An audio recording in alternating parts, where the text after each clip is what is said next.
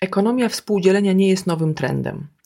Z badań, które były przeprowadzone jeszcze przed pandemią, wynikało, że większość z nas słyszała nazwy takich firm i serwisów jak BlaBlaCar, Airbnb czy Uber. Znamy i lubimy biura coworkingowe, rowery miejskie czy platformy streamingowe. Można wręcz powiedzieć, że idealnie wpisały się one w model codziennego funkcjonowania, szczególnie w dużych miastach.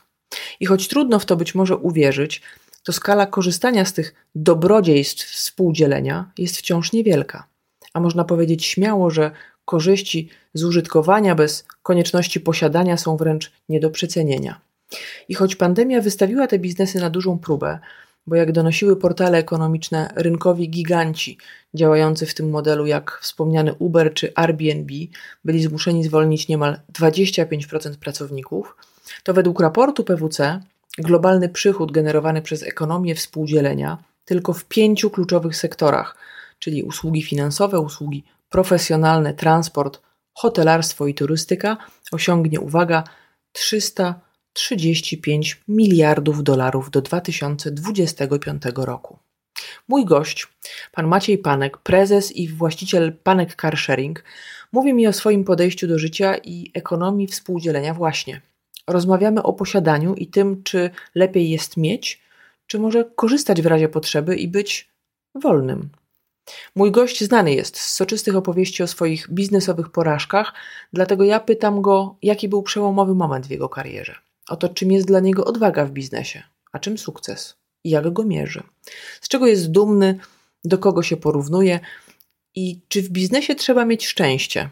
A mój gość dodatkowo mówi mi, kiedy ma się go więcej niż inni. Rozmawiamy o zarządzaniu, o tym, co uważa za największe wyzwanie biznesowe we współczesnym świecie, ale też o tym, jak przeprowadza ludzi przez zmiany. Wszak, jak sam mówi, zmiana w firmie dzieje się cały czas. Serdecznie zapraszam.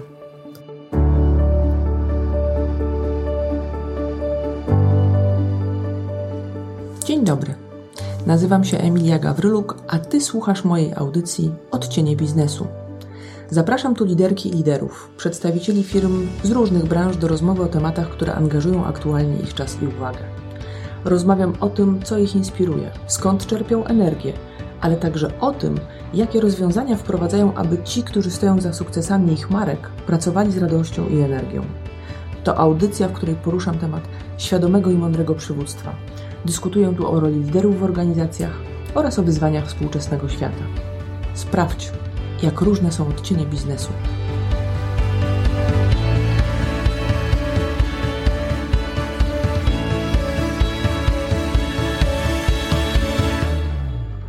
Dzień dobry. Gościem kolejnych odcieni biznesu jest pan Maciej Panek, założyciel i prezes Panek Car Sharing. Dzień dobry, panie Macieju. Dziękuję, że przyjął pan moje zaproszenie i bardzo się cieszę. Jest pan osobą rozpoznawalną i większość osób rozmawia z Panem o biznesie, o tym biznesie, który Pan prowadzi. I ja trochę od niego chciałabym zacząć, natomiast interesuje mnie też kilka takich wątków związanych z prowadzeniem firmy i z przywództwem, liderstwem, więc mam nadzieję, że uda nam się te tematy dzisiaj poruszyć. Mówi się coraz więcej o tej nowej ekonomii, o tym, że menadżerowie mają inaczej zarządzać, że pandemia zmieniła wszystko. No i pan w tym biznesie carsharingowym pracuje, pandemia spuściła takim firmom jak Pana jednak trochę łomot, powiedzmy sobie otwarcie. Znaczy, to był taki moment, kiedy firmy szkoleniowe, takie jak ja reprezentuję i, i firmy takie jak Pana, ta pierwsza reakcja powodowała odcięcie nas od przychodów. Ale teraz coraz częściej mówi się, że idziemy w kierunku nowej ekonomii, nowego modelu zarządzania i tej takiej ekonomii współdzielenia. I chciałabym Pana zapytać, to jak to jest z tym biznesem? Czy rzeczywiście car sharing to jest biznes przyszłości i czy tu widzi Pan jakąś taką dużą platformę do rozwoju? No, taka jest moja wizja. Wcześniej założyłem firmę typu tradycyjny wynajem samochodów, czyli Renta Car, zwana nazwa, na, znana na świecie. Ale coś mi w tym biznesie brakowało. Jeżdżąc po świecie uznałem, że trzeba dodać jeszcze jeden element, czyli taki bardziej popularny, który byłby bliżej klienta, a nie tylko biura na lotniskach czy w hotelach. Więc postawiłem na carsharing, ponieważ ten biznes mi bardzo odpowiada, jest bliski moim wartościom i to nie jest tylko car sharing, bo cała mobilność współdzielona, cała ekonomia współdzielenia jest mi bliska. Ja nie posiadam domu, posiadam mieszkanie na własność, nie mam też samochodów na własność.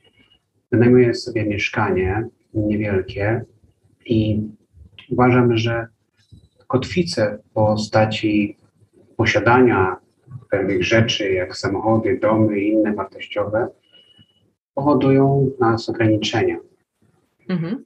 A ja nie chcę żyć w strefie komfortu, a tym bardziej w takiej strefie komfortu, która spowoduje później u mnie brak rozwoju, bo jeśli będę żył powiedzmy w jakimś środowisku, które jest ciągle stałe, a niezmienne, no to przyzwyczaję się do niego i później trudno będzie mi się z niego wydostać. Dlatego car sharing, ponieważ to było z naszej strony najprostsze, ponieważ wywodzimy się z firmy samochodowej i wiemy, jak się uwypuszcza samochody, natomiast musieliśmy dodać element w postaci aplikacji. Więc to jest jakby dodatkowa czynność, która zmusiła nas do myślenia w inny sposób, trochę bardziej przyszłościowo. No i teraz mamy aplikację, mamy samochody, łączymy ten biznes. Nie jest on łatwy, bo tak jak Pani powiedziała, trochę nas przeczołgała pandemia, mhm. ale teraz czołga nas kryzys i inflacja. Nie jest to łatwy biznes. Natomiast dzięki temu, że jestem wytrwały i mam taką wizję, która daje mi samospełnienie, że ja daję pewnego rodzaju usługę, która jest dla ludzi i po to, żeby im służyła, a nie po to, żebym ja zarabiał na tym pieniądze. Więc jest to pewna moja wizja, z której jestem bardzo zadowolony, ona mi daje satysfakcję i chcę ją realizować, jak najbardziej w nią wierzę. Bo samochody, które są dostępne na ulicach, można je w własny sposób wynająć, co powoduje, że nie musi posiadać samochodu, żeby się przemieszczać. Żyjąc w większym mieście, może korzystać z różnych form transportu, autobusy, taksówki, rowery, lajnogi, metro tak dalej, ale też carsharing, jeśli potrzebuje wyjechać gdzieś na szybko, auto jest koło niego, albo gdzieś na weekend dalej. Samochodami można poruszać się po całej Polsce, więc to jest akurat idealny biznes wpisujący się w ten nurt nie posiadaj, tylko używaj. Mhm. Natomiast potrzebujemy jeszcze chwili czasu, żeby przyzwyczaić do tego społeczeństwo. Na Zachodzie już to działa. U nas w Polsce jesteśmy od pięciu lat w modelu carsharingowym i bywa z tym różnie, bo na początku był wielki boom i wszyscy chcieli otwierać firmy carsharingowe, nawet wzięły się za to firmy informatyczne, firmy ubezpieczeniowe, firmy energetyczne, no i to nie powychodziło. Mhm. Zostały dwie firmy duże, które obsługują Polskę i mam nadzieję, że tak zostanie, a dodatkowo, że przyjdzie jeszcze ktoś, kto będzie chciał z nami realizować tę misję tworzenia cateringu w Polsce, bo szykują się zagraniczne firmy do tego, natomiast w Polsce mamy ten problem, że tutaj klient lubi niską cenę. Mhm. Bardzo niskie ceny spowoduje, że firmy z zachodu boją się do nas przyjść, bo nie wyobrażają sobie konkurencji po takich stawkach. Mhm. Natomiast klient w Polsce uważa, że jest drogo. A to też ciekawe, bo przecież macie Państwo w swojej flocie też bardzo ekskluzywne samochody. Więc to portfolio jest dość szerokie. No i taki ekskluzywny samochód, nie wiem, typu Porsche na wynajem na godziny czy na dni, no na pewno się bardziej opłaca niż zakup takiego auta. A, na pewno. I pewnie byśmy rozwijali dalej tego typu usługi, gdyby nie to, że część klientów jeździ trochę zbyt ryzykownie, co powoduje później szkody na samochodach i straty dla nas, więc te straty jakby musimy ograniczać.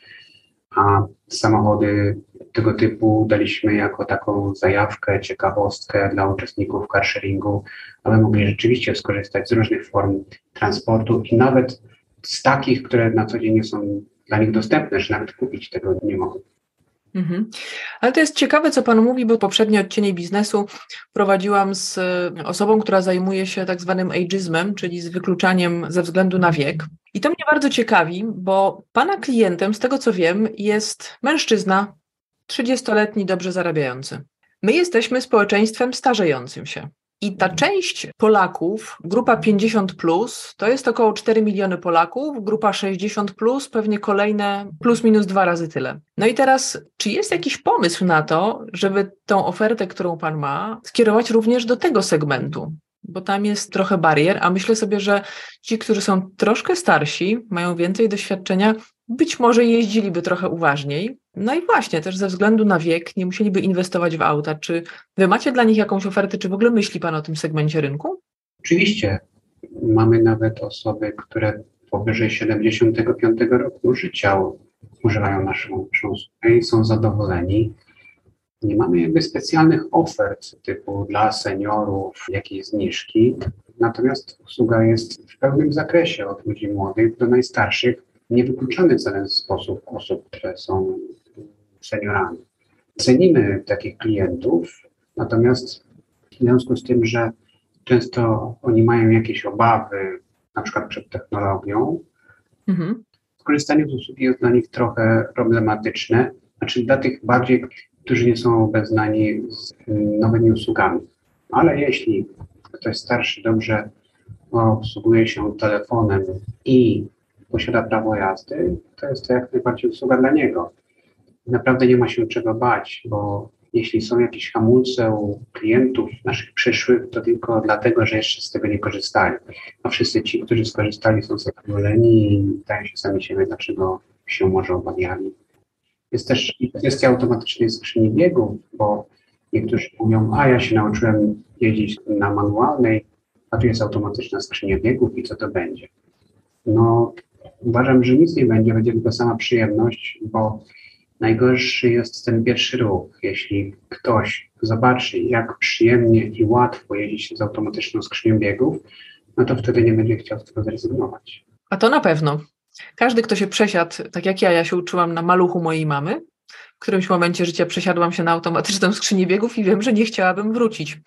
Ja nawet nie myślałam, Panie Macieju, o tym, że wykluczacie ich jakoś specjalnie, ale mówi się, że te osoby, może nie 50, plus, ale już 60, plus, mogą podlegać właśnie tym technologicznym wykluczeniom. I ciekawi mnie, czy widzicie i czy jest jakiś pomysł, żeby wyjść do tych klientów i też trochę z jednej strony być może edukować ich pod tym kątem, ułatwiać im korzystanie z aplikacji, może nie z samego telefonu, bo myślę sobie, że akurat tutaj to większość osób korzysta z telefonu przynajmniej, a, albo nawet ze smartfona, ale właśnie na poziomie takiej obsługi klienta, trochę inny serwis, trochę bycie bliżej klienta, tego, który tej opieki i trochę innej atencji potrzebuje, bo jednak ten rynek jest potężny. My i tak robimy dużo więcej niż nasza konkurencja, na przykład z zagranicy, bo w Niemczech podchodzi się do usługi i tam jest tylko aplikacja i ewentualnie kontakt z infolinią polega na pisaniu czata lub jakiejś wiadomości. Natomiast my mamy przez 24 godziny, 7 dni w tygodniu obsługę klienta telefoniczną i wideo przez żywych ludzi, co jest dosyć rzadko spotykane mhm. na Zachodzie, więc dajemy właśnie to narzędzie, z którego można skorzystać, jeśli ktoś ma jakieś obawy, czegoś nie wie, mm, pytania.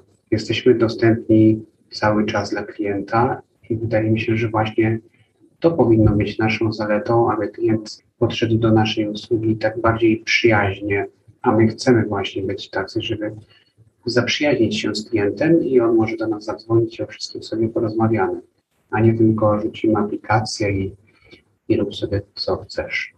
Wiem, że też dla Pana jest istotne, bo te wartości, które macie Państwo na stronie, one są cztery, o ile dobrze pamiętam. Jedną z nich jest ta życzliwość i zaangażowanie. A Pana języczkiem uwagi jest też obsługa klienta. W jednym z wywiadów czytałam, że jest Pan też zaskoczony tym, że ta obsługa klienta w Polsce jest niska i stara się Pan zrobić wszystko, żeby ta obsługa klienta w Pana firmie była na najwyższym poziomie. Jak przygotowujecie ludzi do pracy, tej relacji z klientem? Właśnie staramy się im wdrożyć, aby byli życzliwi dla klienta. Mhm. O kompetencji jest to najważniejsza cecha, jaką powinien charakteryzować się człowiek z obsługi klienta. I staramy się tak e, zobrazować tą pracę, aby człowiek, który rozmawia tylko przez telefon lub bez wideo, po drugiej stronie mógł odczuć, że ta osoba się do niego uśmiecha. A to jest e, dosyć trudne. Mhm. Natomiast jak się człowiek śmieje, to przez głos i tak to słychać. Więc staramy się, aby była świadomość u naszych osób z obsługi klienta, poczujcie się po drugiej stronie, czy osoba, która Was słucha, może uznać, że w tym momencie się do niej uśmiechacie. Mhm. Kiedyś się uczyło ludzi w obsłudze klienta właśnie pracy przez telefon, to nawet przyklejało się takie buźki, pamiętaj, że twój klient to słyszy, to jeszcze pamiętam takie dobre kilkanaście lat temu, tak, natomiast to rzeczywiście jest coś, co powoduje, że inaczej mówimy. Nie ma tu żadnych wynalazków, to jest oczywista sprawa, będzie jeszcze długo z nami, no to po prostu jest element ludzki, który dla szczególnie starszych osób jest bardzo ważny. Mhm. A jak pan myśli o takiej przyszłości, bo też od tego zaczęłam, to będą auta autonomiczne, będą auta elektryczne, czy może auta na wodór? Jak pan widzi ten kierunek? Bo w obliczu kryzysu energetycznego to wszystko, co się dzieje, prosty rynek, więc jak wychyla się pan w przyszłość, to jak pan ją widzi? To nie jest tak, bo auta elektryczne i wodorowe mamy już teraz. Co mhm. prawda, tych wodorowych jest znikoma ilość, ale coś tam się tli. Myślę, że bardziej wodorowe technologie przejdą w samochody ciężarowe i dostawcze, natomiast mocno się rozwijają samochody elektryczne, natomiast na ich bazie powstaną samochody bez kierowcy, które już są. Przez to, że w Polsce i w Europie mamy niedostosowane prawo i trochę zacofane, to nie możemy z tych usług korzystać. Natomiast ja korzystałem już z samochodów bez kierowcy Phoenix y, miesiąc temu i jestem bardzo zadowolony. Uważam, że ta droga czeka nas. My w ogóle mamy w celach do 2030 roku przewozić już ludzi samochodami autonomicznymi. Mhm.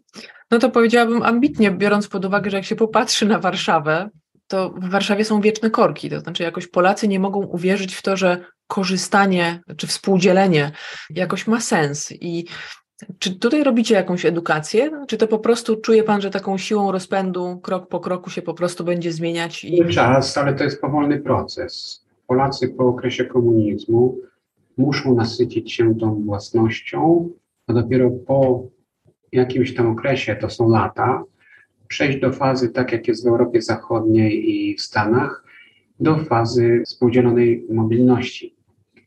I to widzimy, że, że część szczególnie młodych ludzi już zaskoczyła ten trend i w niego weszła. Natomiast osoby starsze jeszcze są przyzwyczajone do, do posiadania i ciężko jest u nich zmienić przyzwyczajenie. Mhm. No ciekawe. Życzę, żeby ten trend rozwijał się coraz szybciej. Ja na własnej skórze poczułam, co to znaczy posiadać samochód. Miałam taką pracę cały czas.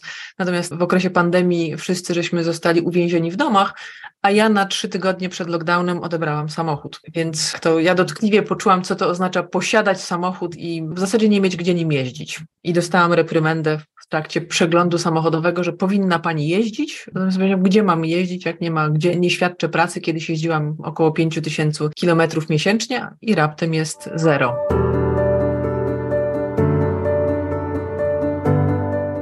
Panie Macieju, przejdę tak płynnie do tych takich liderskich tematów. Jest Pan jednym z prezesów, który otwarcie mówi, lubię mówić o porażkach. Ma Pan ich na swoim koncie całkiem sporo i mówi Pan o nich bardzo otwarcie. Zresztą można odnaleźć taką rozmowę, która jest nagrana i na YouTubie dostępna, więc można sobie to prześledzić. Ale chciałabym Pana zapytać, jak Pan tak myśli retrospektywnie, to co Pana ukształtowało w roli lidera? Czy to były te porażki, czy, czy były jeszcze jakieś elementy, które wspierały ten Pana rozwój? Liderem się nie zostaje po szkoleniu, ani po, po szkole. Ja myślę, że to się już zaczęło w dzieciństwie. Zwykle miałem takie grupy wokół siebie, z którymi gdzieś tam sobie spacerowałem, bawiłem się, rozrabiałem i właśnie wtedy to liderstwo się kształtowało. I później był jakiś taki okres zawieszenia, okres, kiedy ja nie wiedziałem, co mam ze sobą zrobić, gdy byłem już nastolatkiem. A po jakimś czasie, gdy otworzyłem własną firmę, to przypomniałem sobie o niektórych elementach, jak zacząłem zatrudniać pracowników, i wtedy powróciłem do tego, co było kiedyś. Czyli wtedy, kiedy było bardzo dobrze i w jaki sposób stworzyłem relacje z innymi ludźmi, którzy z jednej strony fajnie się ze mną bawili, ale z drugiej strony chcieli mi też pomagać. I w tej pracy uważam, że jest podobnie. Trzeba nawiązać relacje i szczególnie po pandemii lider powinien mieć taki reflektor uwagi na empatię, na drugiego człowieka, na współpracownika, bo ludzie w tej chwili mm, są bardzo wrażliwi i potrzeba z nimi dużo rozmawiać, dużo z nimi przebywać, dawać im ciągły feedback. Mhm. Więc wtedy te relacje między liderem, zespołem, między osobami w zespole będą lepsze, im więcej mamy tych pozytywnych wrażeń i tych doświadczeń międzyludzkich po prostu. Natomiast często, szczególnie nowa tendencja do pracy zdalnej nam na to nie pozwala, no bo mhm. ludzie za kamerami nie za bardzo mogą utrwalać swoje relacje, co powoduje, że teraz lojalność w stosunku do pracodawcy jest bardzo niska, jeśli chodzi o pracę biurową zdalną. Ludzie częściej zmieniają te prace niż kiedyś. Natomiast u nas się już tak utarło, że w czasie pandemii nie mieliśmy pracy zdalnej. Ludzie chcieli pracować i chcieli przebywać w naszym biurze. I w tej chwili bardzo mało mamy osób, które chcą pracować zdalnie i to są wyłącznie ludzie na stanowiskach deweloperskich, mhm. oczekujący oprogramowanie. Mhm. Ale też ciekawe, bez względu na, że tak powiem, pokolenie, z którego pochodzą, bo spodziewam się, że ma Pan też dość różnorodne środowisko pracy, więc ta lojalność, ta chęć takiego bycia w biurze dotyczy wszystkich pracowników. Widzi Pan taki trend u Pana w firmie? Tak, w zasadzie nie ma osób, które chciałyby pracować zdalnie. Chociaż może dlatego, że jest u nas taka kultura i nawet osoby te, które przychodzą, to one już wiedzą, że u nas nie ma pracy zdalnej, więc ci, którzy jej potrzebują, nie przychodzą po prostu do nas. Mhm. A gdyby ktoś chciał pracować zdalnie, to pan jest z tym ok, czy raczej niekoniecznie? W dziale deweloperskim tak, bo tam mamy taki schemat, gdzie większość osób pracuje zdalnie. Mhm. Ale to jest w zasadzie jeden wydział, plus jeszcze niektóre specjalizacje w biurze obsługi klienta. Mhm. A proszę powiedzieć, jak by Pan określił swój typ liderowania? Jestem wymagający, daję dużo feedbacku i wytrwały jestem w tym, co robię. Lubię, jak ludzie wokoło są zaangażowani w swoją pracę. Wtedy ja tym bardziej ochoczo staram się im pomagać. Jestem do dyspozycji, często otwieram drzwi od swojego gabinetu, aby ktoś mógł wejść i porozmawiać. Natomiast i tak w tym gabinecie przebywam nie za długo, bo większość czasu przebywam z ludźmi na spotkaniach. Mhm. A wie pan, jest nowoczesne rozwinięcie skrótu CEO, jak się teraz mówi, nie Chief Executive Officer, tylko mówi się Chief Empathy Officer, trochę w odniesieniu do tego, co pan powiedział, tego bycia blisko ludzi. Panie Macieju, a jak pan dopiera sobie ludzi najbliższych takich współpracowników? Jak wygląda ten proces, ci, którzy chcieliby pracować w Pana organizacji, gdzieś mieć wpływ na firmę? Na co Pan zwraca uwagę? W pierwszej kolejności osoby z działu HR szukają osób kompetentnych i później zwracają uwagę na tożsamość z naszą kulturą firmową i później ja na końcu weryfikuję, czy jest chemia między nami, czy potrafimy ze sobą współdziałać, rozmawiać tak, aby czuć się później dobrze, a nie trochę zdołowani toksycznie. Więc wszystkie trzy elementy są potrzebne, ale nie wszystkie ja osobiście weryfikuję. Osoby oddziału HR są właśnie od tego, żeby dobrze dopasować osobę kandydata. I wydaje mi się, że to nie jest taki proces, że przyjdzie kandydat i się nam spodoba wszystkim i mówimy zatrudniamy. To by było za proste i często takie weryfikacje kończą się porażką. Dlatego ja stawiam na kilkukrotne spotkania, bo w międzyczasie albo coś wyjdzie, albo się okaże, że kandydat jednak robił dużo wrażenia, ale tak naprawdę nie ma zaangażowania, więc kilka spotkań, chemia, zbieżność z naszą kulturą i kompetencje. To są takie wartości, którymi się kierujemy przy rekrutacjach. Natomiast powiem, że po tej pandemii trochę się zmieniło Mhm. Bo na przykład odczuwamy taki trend, że szczególnie tutaj w Warszawie ludzie dosyć często nie przychodzą na umówione spotkania. Sami mówili te spotkania, a później się nie pojawiają, więc no, tego trendu wcześniej nie było, a on się zaczął jakoś tak po pandemii i razem z tą pracą zdalną. Rozumiem, że mówi Pan też o spotkaniach rekrutacyjnych. Tak, mówię głównie o spotkaniach rekrutacyjnych. To jest niesamowite. Szczerze mówiąc, po raz pierwszy słyszę, że aż na taką skalę, bo rozumiem, że można gdzieś w trakcie rekrutacji powiedzieć: Nie, dziękuję, nie chcę iść dalej, bo tych ofert jest całkiem sporo, bo są niedobory pracowników, ale żeby nie przyjść na spotkanie, to rzeczywiście pewnego rodzaju nowum. Bo też w części w firmie, w której ja pracuję, jest też to prawda, że zajmujemy się executive search, w związku z tym to być może też poziom miejsca w organizacji ma na to jakiś tam wpływ. Ja trochę wspomniałam o tych porażkach, o których Pan tak otwarcie mówi ale chciałabym zapytać, czym jest dla Pana odwaga w biznesie? Przyłamywaniem schematów oraz przyłamywaniem oporów i obaw zespołów. Ludzie w zespołach często boją się zmian mhm. i zasłaniają się różnymi sprawami. Często wydaje się, że to są racjonalne rzeczy, ale tak naprawdę one są podszyte jakimś strachem, obawą. I ja staram się to rozwiać. Często też swoją osobą pomagając im w tym, żeby być może nieraz trochę odpowiedzialności zrzucili na mnie, wtedy dla nich to jest łatwiej, ale jestem po prostu przy nich i ich wspieram w tej drodze zmiany. A zmiana w przedsiębiorstwie, w firmie odbywa się cały czas. Bo jeśli będzie się nam wydawało, że się obwarujemy, zbudujemy wielką twierdzę, zamek, który jest niezdobywalny i nic nam się nie stanie, no to się chyba pomylimy, bo w okoliczności całe środowisko biznesowe i klienckie zmienia się diametralnie szybko i może się okazać, że nasz zamek zbudowany po prostu z piasku i to wszystko się rozsypie, jeśli nie będziemy go non-stop dostosowywać do warunków, jakie panują w biznesie. No, teraz chyba się nie da w ogóle tak pracować, bo mówi się, że nie ma nic bardziej pewnego niż ta zmiana. W tej chwili mówi się, że czeka nas kolejny kryzys, tak, że nadchodzi dużymi krokami. Na szkoleniach się mówiło, co byś zrobił, gdyby były warunki bułka, a teraz mamy warunki bułka cały czas.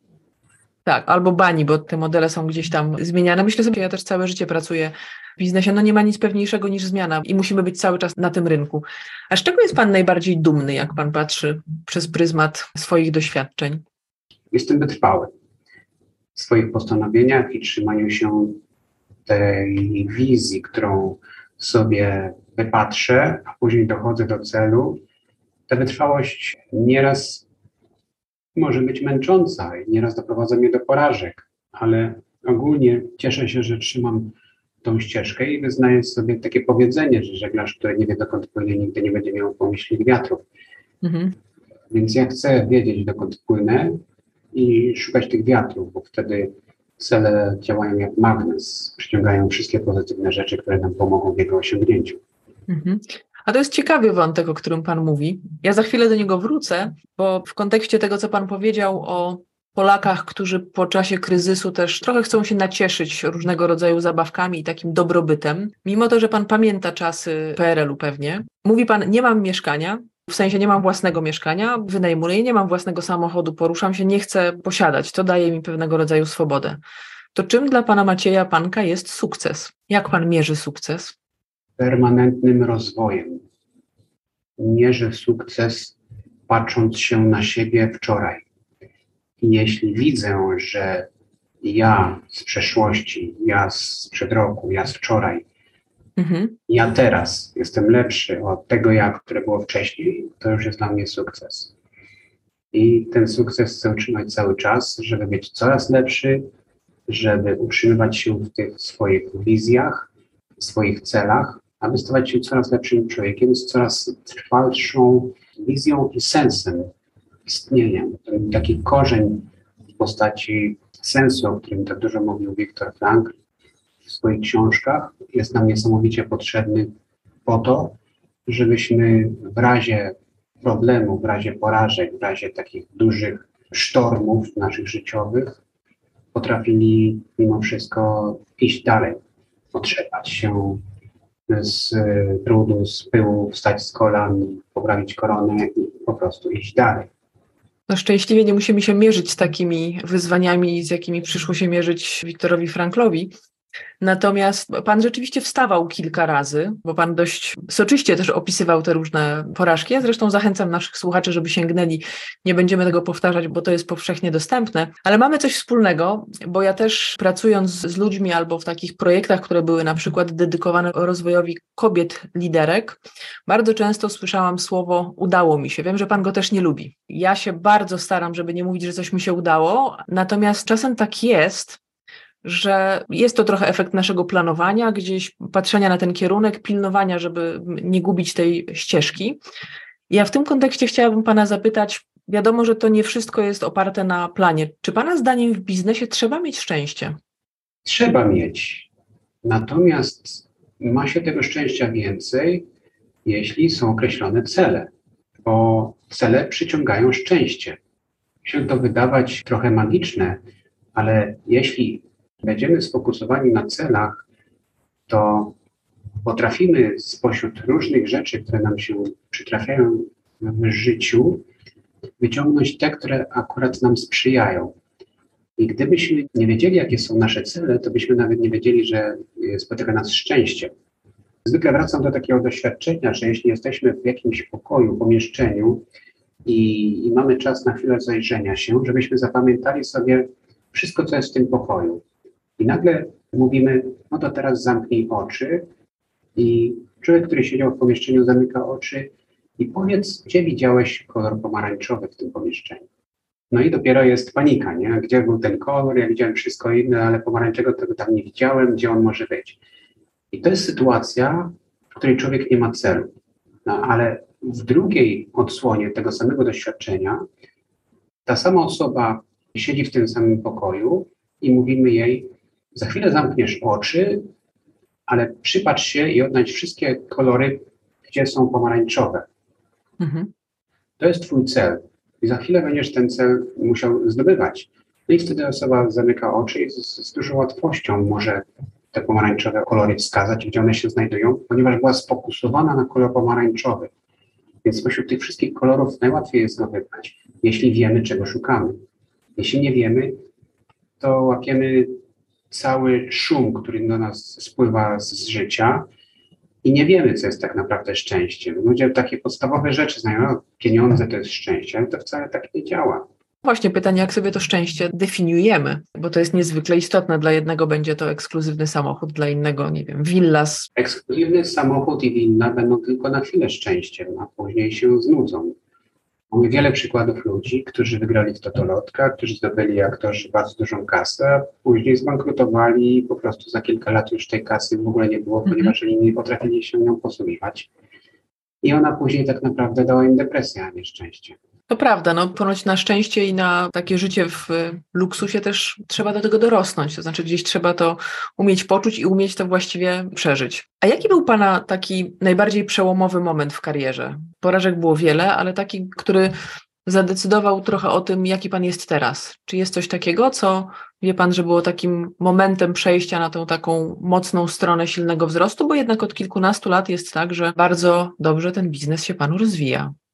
Wcześniej Miałem dużo różnych ścieżek swojego życia, ale myślę, że najbardziej taką wartościową e, finansowo, więc dopiero wtedy uznałem, że to, co zrobię własnymi rękami, będzie miało największą wartość, a co równie dobrze znaczy, że ja jestem odpowiedzialny za swoje życie.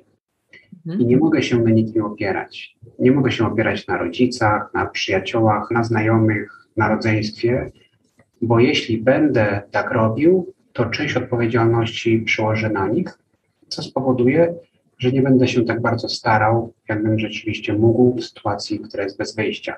A wtedy właśnie miałem taką sytuację, kompletnie nie miałem żadnego wyjścia, nikt mi nie mógł pomóc i musiałem wtedy uznać, że moje życie zależy tylko ode mnie i nie mogę się usprawiedliwiać, że ten czy tamten mi nie pomógł, bo to mi nic nie dało, więc stwierdziłem, ok, ja sam się zabieram do roboty i to, co będzie wytworem moich rąk i mojego umysłu, będę mógł powiedzieć, że to rzeczywiście należy do mnie. No i tak zaczęła się moja działalność gospodarcza i założenie firmy. Natomiast teraz jest trochę trudniej, bo to, co się dzieje z firmą, nie zależy tylko i wyłącznie ode mnie, ponieważ jest prawie 500 osób i ja bym sam nie był w stanie prowadzić firmy. Więc staram się to swoje doświadczenie przełożyć też na innych, aby oni opierali się na, na samodzielności, żeby wdrażali swoje nowe pomysły, żeby byli otwarci na zmiany i żeby właśnie zespół, który się tworzy na samodzielności, był najlepszym, jaki może się przydarzyć. Oczywiście są z tym problemy, bo co innego są nasze wizje, cele, marzenia, a co innego są ludzie, którzy zawsze coś tam rozrabiają, popełnią błędy, ale ogólnie uważam, że i tak idzie to wszystko do przodu. Jestem bardzo zadowolony z tego, że firma mogła się rozwijać na taką dużą skalę, no bo na początku nawet o tym nie myślałem, nie marzyłem o tym, wynajmując pierwszy samochód do wynajmu samochodu, do takiej usługi. A teraz ich, jest ich 5 tysięcy i trzeba mieć jeszcze większy poziom tak zwanego szachisty, który poukłada te wszystkie rzeczy tak, żeby to działało i jeszcze mogło zarobić na siebie oraz na wszystkich ludzi, którzy pracują w firmie. Mhm. I być bezpiecznym, wzrastającym biznesem, to prawda. Jak pan patrzy na rynek, bo ja już trochę dotknęłam tego kryzysu, te makroekonomiczne dane jeszcze nie pokazują, że będzie dramatycznie. Zresztą polscy prezesi ponoć w badaniach mówią, że kryzys nie, może spowolnienie raczej. Ale chciałabym zapytać, co jest dla Pana takim największym wyzwaniem w biznesie w obecnych czasach? Co jest czymś takim, co czuje Pan, że wymaga największej pracy? Zmiana przekonań ludzi. To jest najtrudniejsze, aby doprowadzić do właśnie takiej zmiany, która notabene jest dla ludzi czymś lepszym, ale oni tego jeszcze nie wiedzą. Więc tkwią w swoich starych przyzwyczajeniach, bojąc się wyjść naprzeciw zmianom.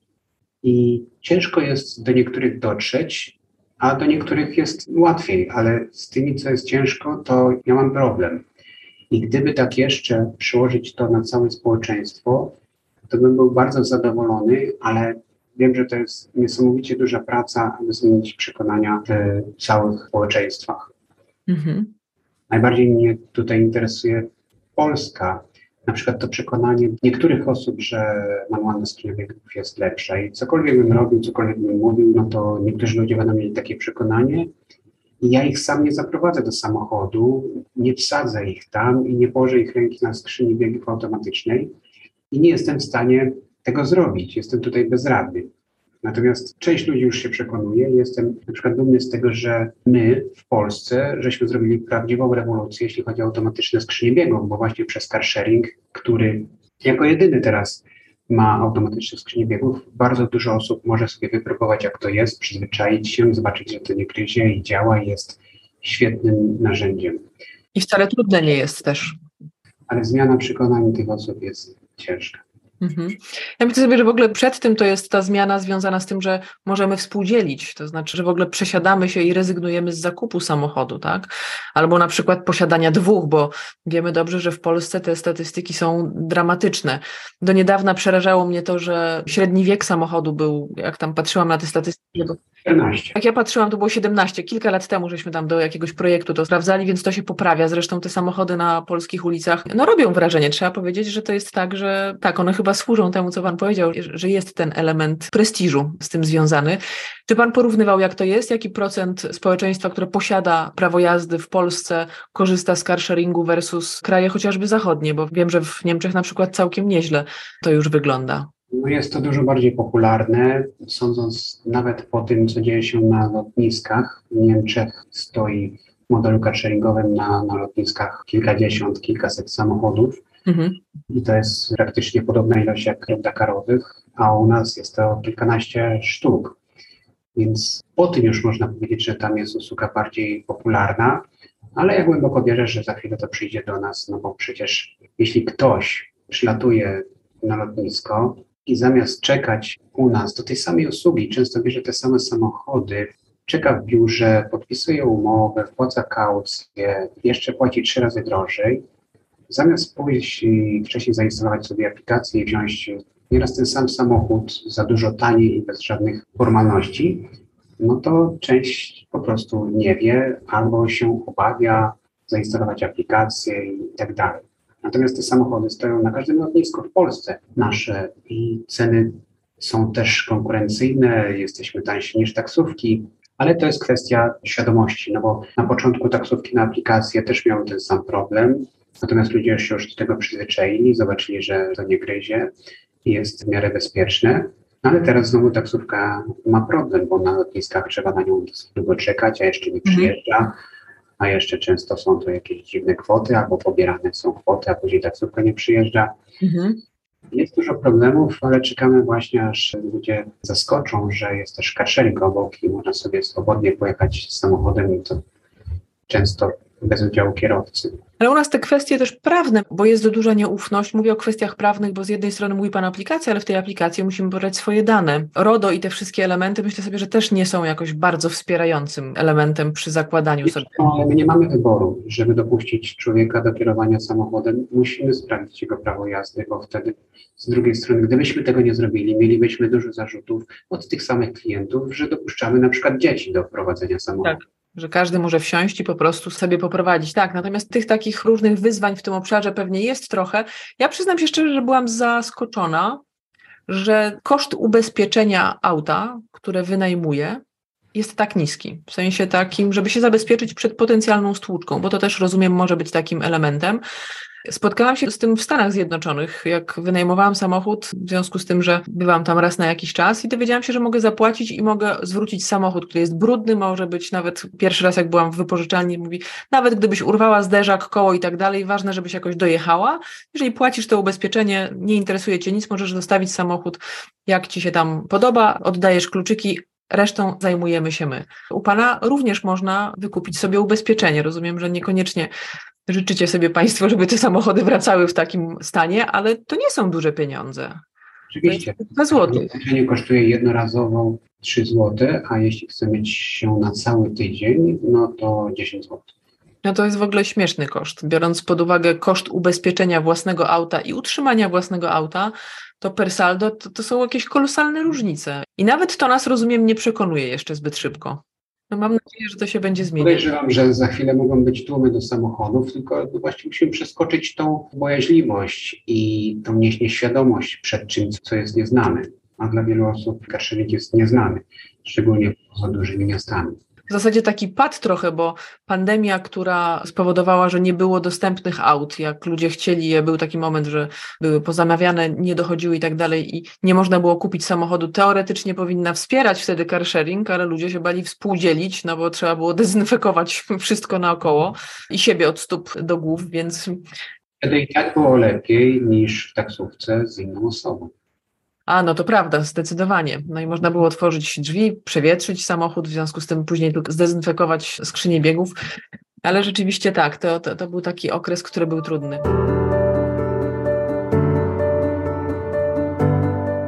To ja chciałabym jeszcze Pana zapytać, bo wiem, że Pan też stawia, nawet chyba użył Pan kiedyś takiego sformułowania, że jest Pan frikiem takim rozwojowym.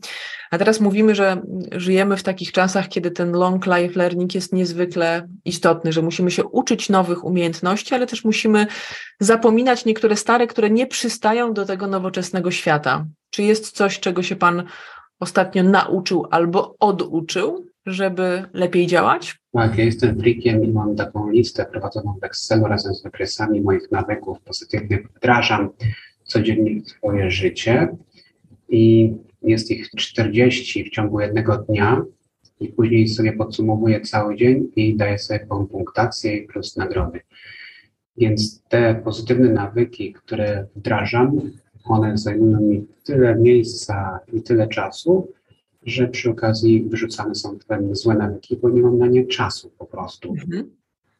Więc skupienie i, i świadomość przez dzień, co by można tu zrobić, żeby jeszcze jeden nawyk dodać do listy punktów na dzisiaj, powoduje to, że nie skupiam się na tych złych, bo te złe są z reguły wtedy, kiedy człowiek się nudzi, nie wie, co ze sobą zrobić i, i zaraz pojawiają się jakieś takie dziwne myśli. Ja nie mam czasu ani na telewizję, ani na złe nawyki, więc staram się, jak tylko mam chwilę wolnego czasu, to albo żeby odpoczywać, albo żeby wdrażać swoje pozytywne nawyki. A pozytywne nawyki są też w zasadzie odpoczynkiem, bo to są takie rzeczy jak ćwiczenia oddechowe, medytacja, stretching, jakieś spacery, nauka języków. Więc zalecam wdrażanie tego typu strategii do swojego życia, bo one pomagają bardzo na ustabilizowanie naszego poczucia i w ogóle na bardzo dobre samopoczucie. Mhm. No właśnie chciałam zapytać o te przykłady, ale już je Pan podał, bo 40 nawyków to jest dużo. Mówi się, żeby wykształcić jeden potrzeba przynajmniej 60 dni.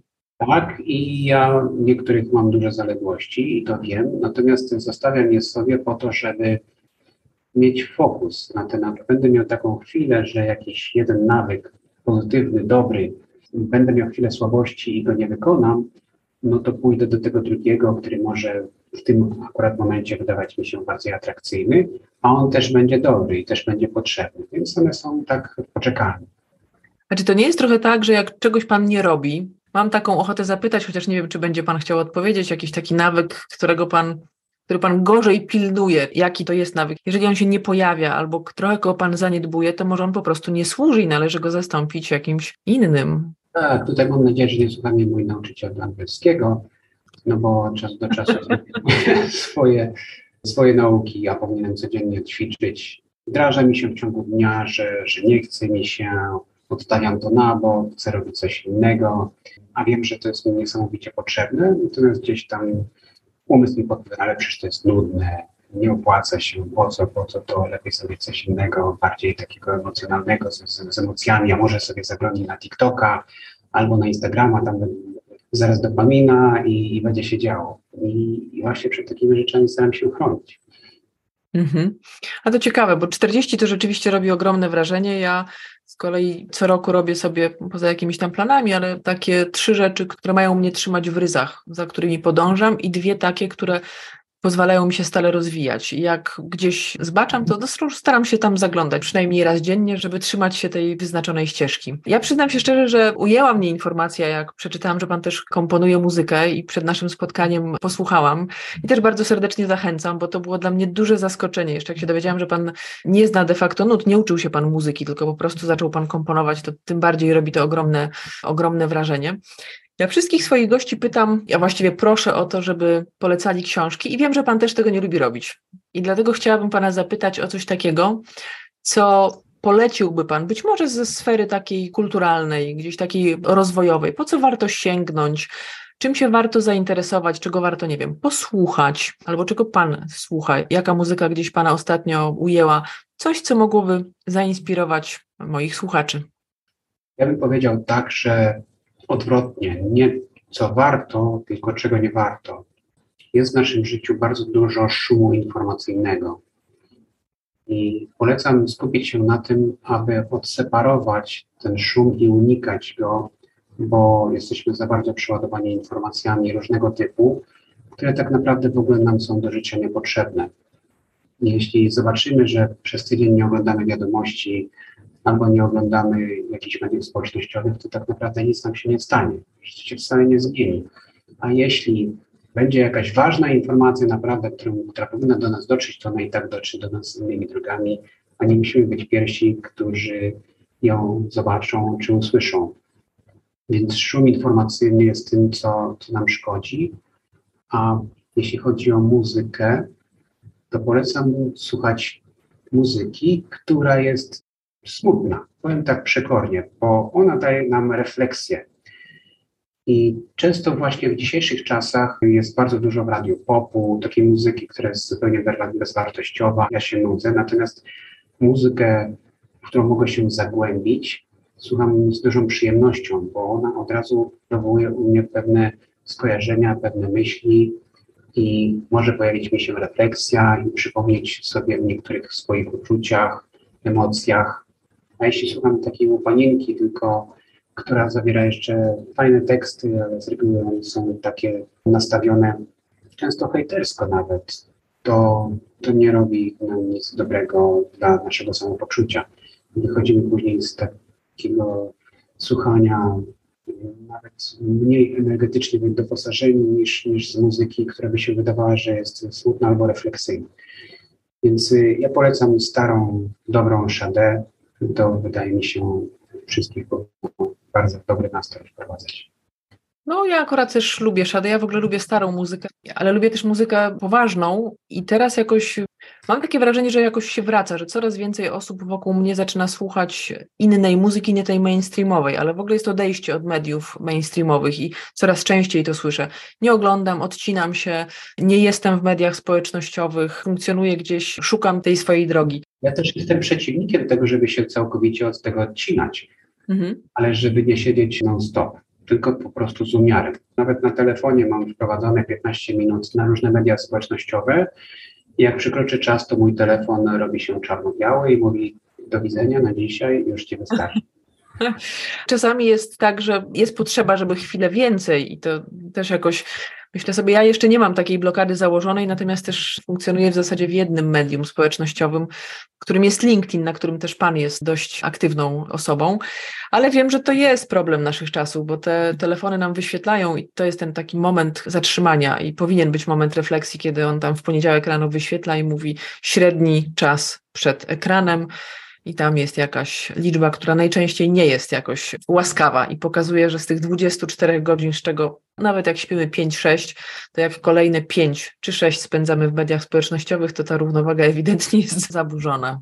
To ja na te statystyki nie patrzę, bo z rana poniedziałek nie chciałbym otrzymać od razu statystyki, co źle zrobiłem. To wpływało na mnie negatywnie.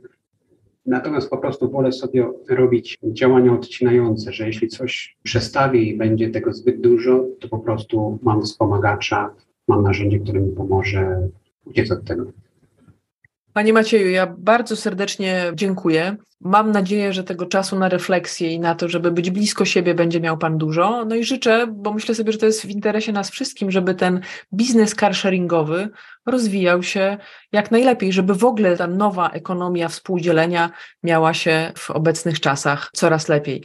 Bardzo dziękuję, że poświęcił mi Pan ten czas i dziękuję za rozmowę i podzielenie się swoimi spostrzeżeniami. Dziękuję również. Życzę miłego dnia. Dziękuję pięknie.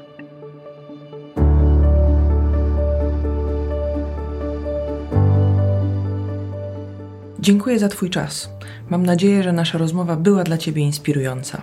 Jeśli Ci się podobała, udostępnij ją znajomym, zostaw lajka i zasubskrybuj, aby nie umknął Ci żaden odcinek. Będzie mi miło, jeśli podzielisz się swoją opinią. Napisz kilka słów recenzji. To dzięki Tobie mogę się rozwijać i trafiać do szerszego grona odbiorców. To dla mnie ważne i bardzo Ci za to dziękuję. Już dziś zapraszam Cię na kolejny odcinek. Sprawdź, jak różne są odcienie biznesu.